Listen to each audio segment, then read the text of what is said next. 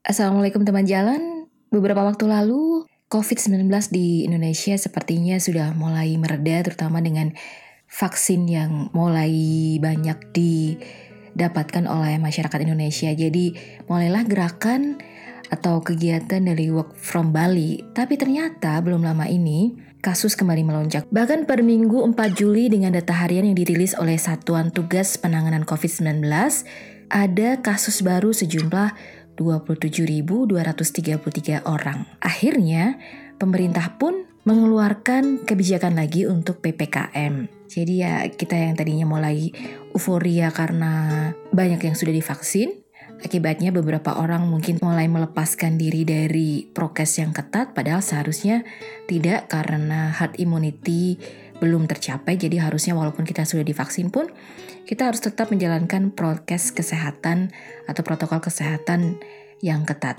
Nah, PPKM ini atau pemberlakuan pembatasan kegiatan masyarakat terutama di daerah Jawa dan Bali, PPKM Mikro Darurat mulai diberlakukan kembali di tanggal 3 sampai 27 Juli 2021 dan bisa jadi ya kemungkinannya akan ditambah lagi waktunya menunggu perkembangan yang terjadi. Jadinya sekarang dari mall-mall pun ada yang mulai tutup kembali atau hanya buka sampai jam 17 dan makan di tempat juga sudah nggak boleh, bisanya delivery atau take away. Makan di tempat yang tadinya udah boleh lagi dilakukan, sekarang sudah nggak bisa lagi di restoran maupun warung-warung yang biasanya berisi makanan favorit kita sekarang hanya bisa delivery atau take away tapi sebenarnya ngomongin soal makanan ini ya, di masa pandemi ini hal yang paling sering kita makan apa sih sebenarnya? Kalau saya sih ya adalah mie dengan berbagai macam rupanya. Jadi seringnya pesan online atau membuat sendiri tergantung bisanya yang mana. Karena mie ini sebenarnya adalah makanan yang susah saya hindari walaupun lagi program diet. Jadi kalau saya disuruh menghindari mie dalam waktu yang cukup lama, bahkan seminggu atau lebih itu kayaknya susah untuk dilakuin. Sebenarnya mie ini dari mana sih? Sampai dia begitu susah dilepas dari keseharian kita.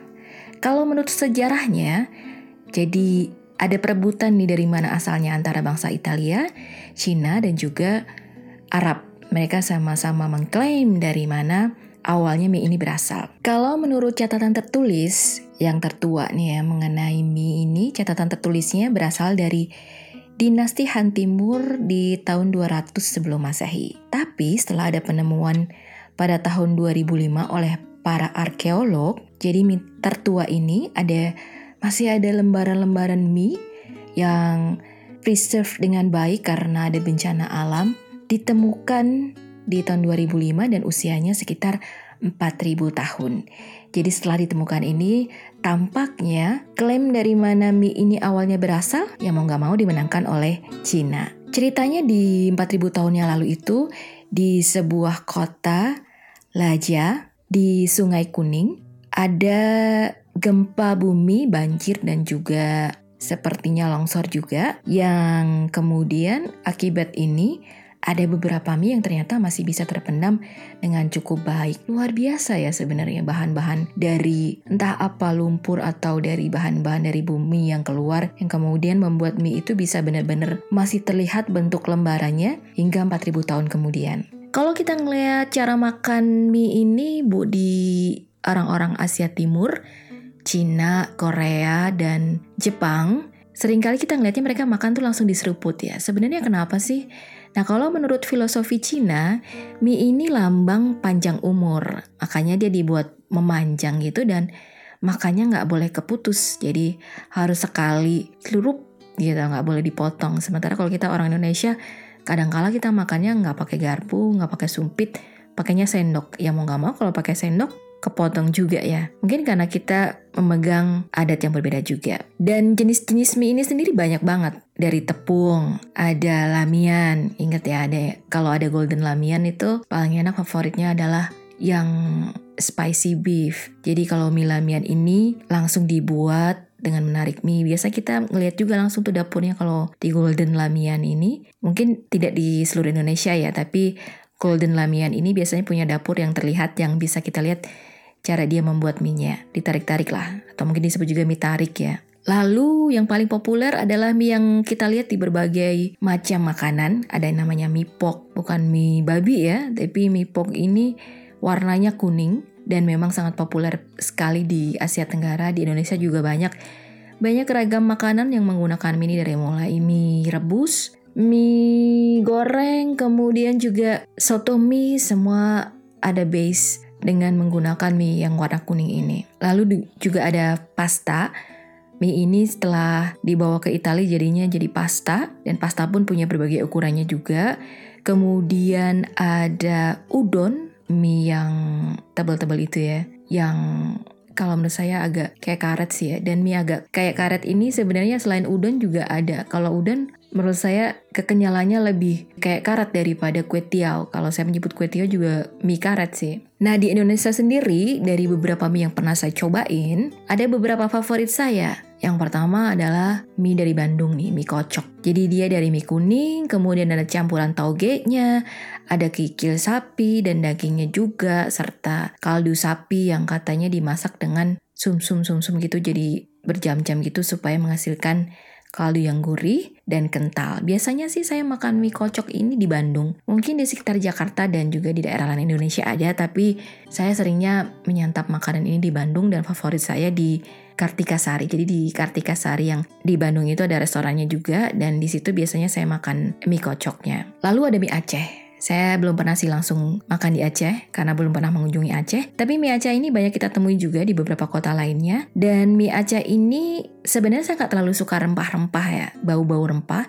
Tapi kadang-kadang saya ingin makan mie yang kental dan pedes banget itu biasanya saya dapat dari sensasinya kalau makan mie Aceh. Jadi mie Aceh ini biasanya disajikannya bisa dua cara nih, bisa digoreng atau direbus, tapi direbus pun sebenarnya kuahnya juga kental ya. Dia ini mie-nya kuning besar juga, lebih besar daripada mie godok Jawa gitu. Kemudian biasanya disajikan dengan daging ayam bisa, tapi mostly saya sih biasanya makannya yang irisan daging sapi atau juga bisa seafood juga. Dan tentu saja dia rempah-rempahnya akan sangat berasa bau rempah-rempah gitu, warnanya juga kemerahan. Biasanya disajikan dengan emping, kemudian timun, lalu taburan bawang merah goreng, juga jeruk nipis. Jadi ada acarnya lah juga pendamping di situ. Bedanya apa sih kalau kita makan mie Aceh? Pedes sama dengan kalau kita makan mie lainnya, mie rebus misalnya dengan irisan cabai rawit atau sambal gitu. Menurut saya beda ya karena dengan langsung mencampur pada saat mengolah minyak, membuat minyak dengan irisan cabai itu rasanya beda.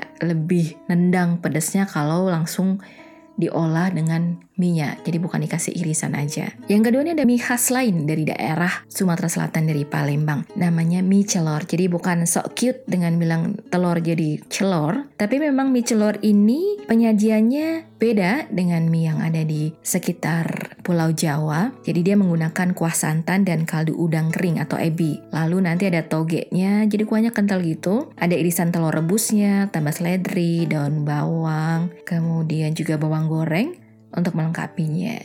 Saya makan ini ya belum pernah sih nyoba di luar Palembang. Jadi waktu-waktu itu di Palembang saya coba ini. Lalu kue tiaw. Memang sih kue tiaw ini ada banyak ya kita temuin di beberapa tempat. Banyak lah di semua daerah Indonesia ada namanya kue tiaw. Tapi begitu saya menginjak Pontianak yang biasanya saya nggak nggak suka kue tiaw, saya sebut sebagai mie karet. Lalu pas saya ke Pontianak mau nggak mau, nggak mungkin saya nggak nyobain mie tiao ini atau mereka menyebutnya mie tiao, kue tiao juga di merek terkenal Apollo. Saya nanya sih halal atau enggak.